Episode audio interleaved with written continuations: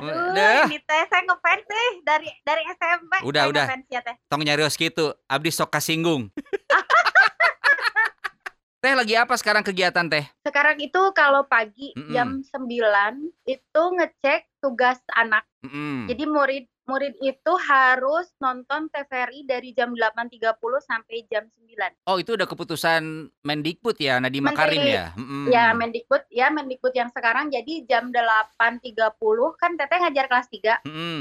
Jam 8.30 sampai jam 9 itu ada tugas Oke. di TVRI setiap hari dari Senin sampai Jumat. Nah, Hmm. itu tugas yang itu anak-anak wajib difotokan sambil nonton TV itu difotoin ke Hmm. TV-nya. Nah, itu setor terus ada pertanyaan tiga biasanya pertanyaannya nanti masuk ke eh, grup WhatsApp orang tua anak. Nah, itu dicek dulu pagi-pagi. Nah, jam setelah jam 9 kan Mm-mm. ada materi yang harus kita kan ada program ya, Ya. program tahunan. Nah, si program ini nanti dicek di hari ini belajar apa? Belajar saya share di grup hari ini eh, tema berapa, halaman berapa silakan dikerjakan nanti sekitar jam 2 jam 3 jam kemudian mereka udah store lagi. Nah, saya masukin daftar nilai gitu. Oh ternyata Gitu. emang ribet oge nya teh, tapi ini adalah jalan Oh, terbaik. bisa. Nah sekarang ini mau jadi pertanyaan nih buat listeners yang baru gabung nih teh. Teh Mia teh ngajar di mana Hmm. sebenarnya teh gitu? Di di Kiara Condong. Mm-mm. di SD 083 Babakan Surabaya. Jadi ngajarnya, ngajar kelas 3 itu semua pelajaran all in. Luar biasa. Pinter sih Teh Mia ya. Luar biasa teh. Eh, Udah berapa lama jadi eh, guru teh teh? Saya jadi guru udah 17 tahun. Tujuh, us, luar biasa ya. Sukses terus ya teh sama karirnya. Mudah-mudahan ini yang bisa bikin teteh Amin, jadi amin. bisa. Kalau kalau ngajar itu bukan karir. Tapi Jadi kalau ngajar itu lebih ke apa ya? Kecelengan gitu kalau kata saya. Oh lebih ini ya beli tabungan ya teh. Ah betul betul betul betul karena yang namanya guru itu adalah hal luar biasa yang memang nggak ada karir. nggak ada oh, iya betul ya. Jadi kalau kita tidak diajar oleh guru kapan kita bisa membaca dan menulis, kemudian juga ahlak-ahlak yang dulu kasih eh, guru ke anak didik juga bisa dijalani ya teh ya. Mudah-mudahan ini bisa bermanfaat untuk Ya, semua ya. orang gitu. Amin, amin, Oke. amin, amin. Karena tujuan dari awalnya kan kalau ngejar karir itu di Mm-mm. luar guru, di luar PNS. Karena tujuan awalnya pengen amalan apa yang bisa manjang sampai kita meninggal ya Mhm. itu kan. Bener-bener luar gitu. biasa. Aku juga jadi guru loh teh, Guru apa? guru silat. Sa- sama juga kan itu juga. Tapi eh, ya ngajarin bela diri ya. Heeh. Tapi eh, sebenarnya gini, ada hikmah di balik kita eh, stay at home, belajar di rumah dan lain-lain. Mhm. Sebenarnya ada hikmah. Hikmahnya apa? Saya itu ngajar puluhan murid setiap hari. Mm-mm. dengan tanpa marah, dengan tak dengan harus mengajarkan mereka berbagai hal gitu. Nah sekarang dibalikin lagi ke orang tuanya banyak yang protes. Ibu, kenapa pada nggak nurut? Kalau sama ibu semua nurut. Itu itu Ya makanya teknik-teknik mengajarnya mereka memang kan kalau orang tua nggak punya, kalau orang tua kan nggak punya. Kalau kita kan sekolah diajarin kalau cara ngajar anak umur segini segini harus gimana, harus gimana, harus gimana. Jadi kita mah mau 40 mau 50 juga gak kontrol gitu. Mereka mah hijau oge kan darah tinggi. itu yang memang harus diakui teh. Jadi kadang-kadang saya teh salut sama guru-guru teh ya dengan penuh dedikasi, sabarnya luar biasa. Sementara buat orang tua baru aja, mah ini eh, pertanyaan ini apa? Ah, tanya ke si papa, mama lagi sibuk nonton film drama Korea. Sana gitu teh. Bapaknya canggih. Ini teh naluri atau gimana teh? ya naluri kan emang udah udah mah udah lama ya 17 Mhm. tahun udah Mhm. gitu kan emang udah kita diajarin juga psikologis anaknya gitu kita juga di, di kuliah diajarin cara meng- mengatasi anak begini gimana Mhm. begini bi- gimana jadi udah nggak susah lagi gitu untuk ngatasin satu dua orang anak. Guru itu udah biasa sabar sama anak. Nggak Mhm. sabar sama orang tua kalau guru sekarang cocok, cocok, cocok. cocok kan? Cocok, cocok. orang tua sekarang tuh ya orang tua sekarang tuh ada apa-apa di kelas main lapor. Ada apa-apa main Eh. lapor. Nggak ke dinas ke kepala sekolah. Guru ini nggak benar guru ini nggak benar padahal mah dia ngajarin satu aja udah puyeng kan? Hmm. mangga rasain kan gitu jadi kita ngebaliknya kayaknya gitu dengan pandemi ini banyak hikmah kalau menurut saya ya. Mhm. banyak hikmah gitu. Jadi orang tua tuh tersadar terbuka pemikirannya bahwa eh, sekolah itu mereka kan biasanya udah belajar sekolah udah lepas gitu ya. Nah Hmm. sekarang kan balik lagi ke rumah. Mereka biar tahu gitu guru itu susahnya kayak gimana. Kadang kan orang tua teh nggak gampangkan gitu kak guru teh ya. Nggak gampangkan gitu. Iya iya benar. Iya, iya, iya. menggampangkan pegawai anak iya kan? Nah untuk uh, dengan dengan suasana seperti ini, dengan keadaan seperti ini tuh kalau menurut saya jadi refresh lagi. Mereka tuh harusnya sadar bahwa kita tuh gaji tidak sebesar pegawai Yes. swasta yang lain. Kita Oke. standar. Apalagi misalkan saya dan teman-teman belum sertifikasi kan mereka ngomongnya guru mah ada sertifikasi gajinya gede. Saya dan teman-teman belum dapat sertifikasi juga ya UMR. Kita Hmm, UMR. Oke. Eh, stop, stop suuzon gitu. Ya. Terus ada lagi rame-rame kemarin kalau PNS itu enak. PNS itu enak Mm-mm. eh, apa kerja nggak ngantor tapi eh, dapat gaji full. Ya boleh dicek Bapak Ibu ke saya ke rumah gitu. Saya mah pabalatak sama kertas ngerata-rata rapot aja udah dari sekarang. Apalagi Hmm, rapotnya kita udah pakai e-rapot. Jadi eh, Menteri Pendidikan yang baru yang sekarang itu kan mintanya hasilnya e-rapot itu lebih sulit dibanding dengan rapot biasa. Rapot biasa mah nulisnya gini, e-rapot mah terus we gitu satu pelajaran itu bisa dapat tujuh nilai. satu Satu pelajaran. pelajaran. Misal bahasa Sunda, Ah. bahasa Sunda pengetahuannya itu lima lima nilai, Oh. keterampilannya tiga dua nilai atau tiga nilai, jadi tujuh satu pelajaran bahasa Sunda kebayang nggak? Makanya guru dapat gaji 13, guru gaji dapat gaji 14, guru Wajar ya. gajinya full. Gawena tinggal tuh ke sini gitu. Nah, Teh ngomongin Ya, ini ya. Teh. Kalau kemarin ada KPAI, ini Hmm. sempat dapat sekitar 200 pengaduan soal kegiatan belajar mengajar di rumah Teh. Salah satunya adalah banyak Hmm. siswa yang jenuh karena guru selalu memberikan tugas setiap harinya per mata pelajaran yang menguras energi mereka. Nah, menurut Teteh sendiri sebagai guru, betul atau tidak nih? Eh kalau saya gini kan anak saya kelas 1 SMA, Mm-mm, yang kecil kelas 1 SMP pesantren. mm-mm. Dan tugasnya itu saya bantuin. Oke. Memang betul. Oh gitu. Memang betul. Sampai anak saya, sampai anak saya yang kecil nangis, udah pesantren aja nggak usah pulang. Beneran ngomong gitu Teh? Jadi itu dari subuh, dari Mm-mm. subuh dia setoran ngaji sama sholawat. Ini yang pesantren ya. Mm-mm. dari subuh dia setoran ngaji sama sholawat sampai siang terus tugasnya sampai sok mau dibantuin nulis nggak nggak usah nggak usah mungkin Hmm, perempuan ya kalau yang laki-laki agak cuek tapi beres semuanya tapi dia nggak tidur gitu Oke. sampai- mah pusing kerjaannya banyak jadi paling saya nyediain konsumsi aja mereka biar gak terlalu pusing saya sediain makanan ini di diolah lah Di support ya ya Teh diolah. ya. Oke. Nah untuk saya, ya kalau untuk saya sendiri sih untuk ke murid karena Mm-mm. memang kalau menurut saya gini, kalau bukannya itu kan akan membebani. Mm-mm. Kalau anak dibebani terlalu banyak malah jadi nangis. Saya tahu murid saya kelas 3 tuh masih ogoan gitu ya kalau Oke. anak kecil.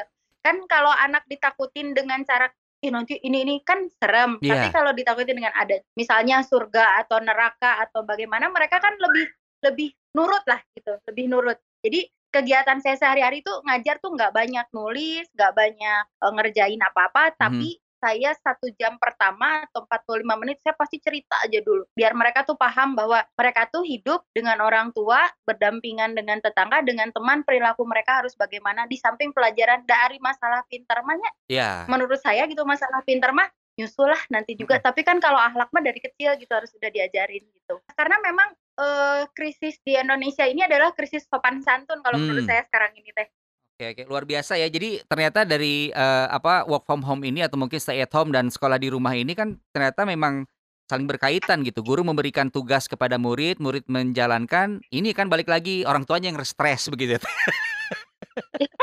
Bener-bener. Teh, tuh, terima kasih banyak penjelasannya Teh luar biasa. Bener-bener. Teh. Bener-bener Teh. Mudah-mudahan ini bisa dijalani sama saya lah. Gitu ya. Mudah-mudahan juga sama orang tua yang Iya. lain. Gitu. ya Wah, saling lah saling da- belajar Mhm. saya juga gitu Bener-bener teh lucu nih keren banget nih Gitu. terima kasih untuk tips-tipsnya teh kita ngobrol nggak tong wae ngomong tentang masalah pelajaran nah ngomongin persib ya nama teh ya. ya ya boleh boleh boleh nah ini yang hal pertama yang saya salut untuk persib sekarang kan sekarang persib teh di puncak klasemen sementara ya teh dengan 9 poin ya teh ya ya ya 9 poin nah tapi kan sekarang lagi puncak-puncaknya terus tiba-tiba ada wabah ini cek teteh nanti pas main lagi kumaha tah motivasi anak-anak persib teh sebenarnya kalau Persib sendiri eh itu kan mereka dari coach Re- Rene itu kan sudah ada program sendiri. Saya tuh terlihat dari Instagramnya atau misalkan saya ngobrol sama Kang Made, misalkan Mas Mm-mm. Fabri Made itu mereka tetap walaupun mereka di rumah mereka tetap olahraga sesuai dengan anjuran dari pelatih. Olahraganya tiap hari kalau telat sehari dulu siapa ya pemain Persib yang ngobrol sama saya, saya teh saya pernah seminggu lebaran libur Mm-mm. pas latihan lagi saya muntah nggak kuat gitu jadi mereka jadi kapok kayak gitu ya sempet cerita istrinya cerita ke saya teh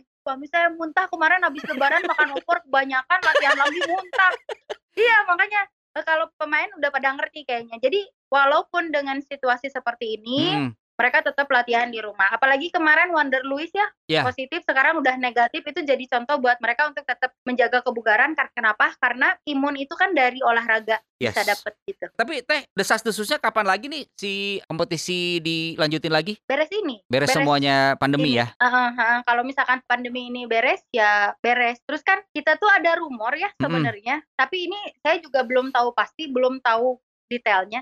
Kalau pemain Persebaya itu digaji 25%. Oke. Untuk ini misalkan gajinya 10 juta, berarti digajinya 2 juta setengah misalkan. Mhm. Karena tidak main kan, tidak apa-apa, tapi kan alhamdulillah digaji. Nah, untuk Persib sendiri denger-dengar 10%. 10% Persib plat Denger oke. ya 10%. Misalkan 10 juta berarti sejuta gitu. Tapi Mhm. kan ini baru gosip karena Mhm. media sosial di kita tidak bisa menyangka bahwa Bobotoh itu adalah orang yang terlalu percaya media sosial.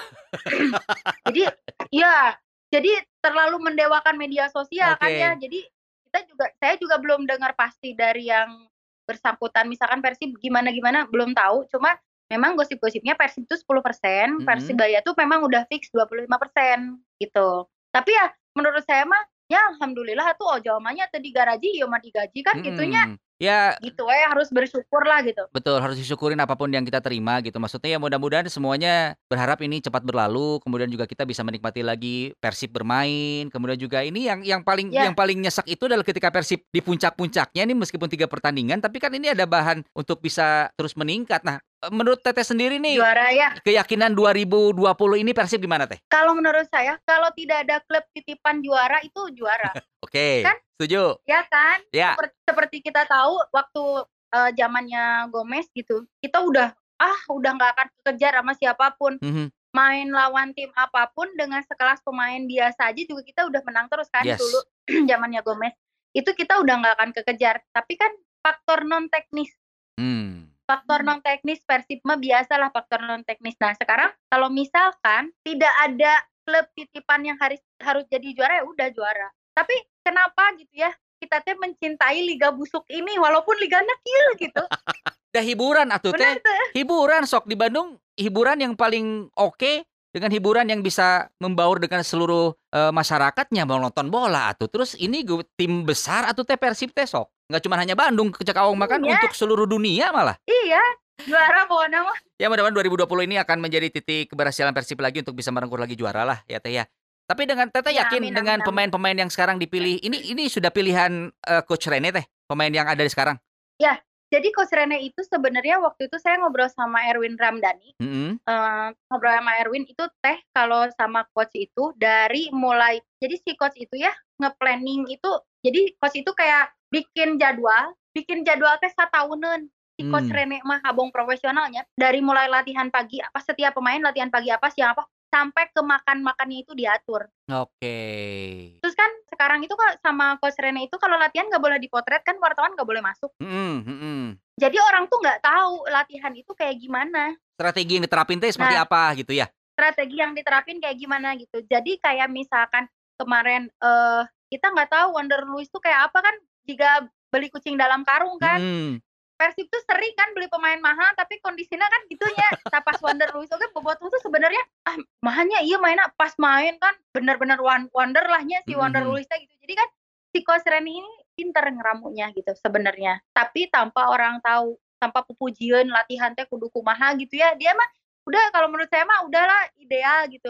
Tanpa harus ada campur tangan dari orang lain. Misalkan Setuju, setuju. yang main nih, yang main misalkan menurut Rene 10 eh 11 orang ini. Terus ada yang iya nitip iya nitip iya tah nu eta teh ulah gitu. Kalau misalkan udah yang main menurut coach segitu ya udah segitu yang yang titipan-titipan nggak ada ya udah aman. Udah gitu. Sebenarnya pelatih mahnya porsinanya pelatih. Ulah aya anu masuk deui selain pelatih karena dia deket dengan pemain nggak usah. Misalkan yang punya persibnya deket sama ini harus main nggak usah. Amin. Harapan saya. Amin. Sama saya se- Amin. se- mungkin ini Amin. bukan harapan Teteh doang tapi harapan saya Awong sebagai bobotoh juga mungkin untuk seluruh bobotoh juga. Ini seru Teh kayaknya harus Iya. harus kita sambung lagi lah kalau misalnya nanti kita ada waktu lagi kita boleh ngobrol lagi ya Teh ya. Teh Mia sekali lagi mungkin ada yang mau disampaikan untuk bobotoh dan juga untuk eh, masyarakat yang lagi melihat live kita. Oh boleh. Jadi kalau eh, ini mah kita ambil hikmahnya ya dari Mm-mm. pandemi ini berarti kita harus belajar salah satunya adalah sabar. Betul. Ya, kita sabar, nahan, nggak nggak ini, nggak itu, tapi ada hikmahnya yaitu di rumah teh sholat tepat waktu, Yes. bisa ngaji jongjonnya gitu. Sholat Jadi ya berjamaah ya, buat Teh? teman-teman semua sama anak ngumpul gitu yang jarang-jarang saya mah, eee, titip pesan aja, ini bisa kita jadikan untuk ajang kegiatan positif di rumah yang selama ini kadang kita lewatin Yes. antara orang tua dan anak gitu. Eee, bisa juga jadi ajang untuk mendekatkan diri sama Yang Maha Kuasa, Mhm. bisa kita bisa beribadah lebih rajin apalagi puasa, ya mudah-mudahan atuh dengan pandemi ini kita kan nggak kerja, nggak ngapa-ngapain gitu, Iya. bisa di rumah 1 hari seberhajus atuh lah gitu nya. Yes, betul. Bisa heeh, bisa bisa memanfaatkan ini. Jadi sayang sekali kalau ini hanya dikeluhkan hanya dikeluhkan kita nggak bisa cari uang keluar atau apa pun ya ini mah sebenarnya konsepnya konsep sabar gitu. Jadi kalau untuk teman-teman ini bisa jadi teguran dari Allah biar kita lebih dekat, gitu aja. Sip, Teh Mia hatur nuhun, sukses terus, kemudian juga Iya, sehat-sehat terus sami-sami. ya, jangan kapok nanti kalau Iya, kita nanti hubung-hubungin lagi. lah lah. Siap, diantos Teh Mia Iya. ya. Nah, sekali lagi eh, hatur Iya. nuhun, salam buat keluargi. Assalamualaikum Teh. Waalaikumsalam warahmatullahi wabarakatuh.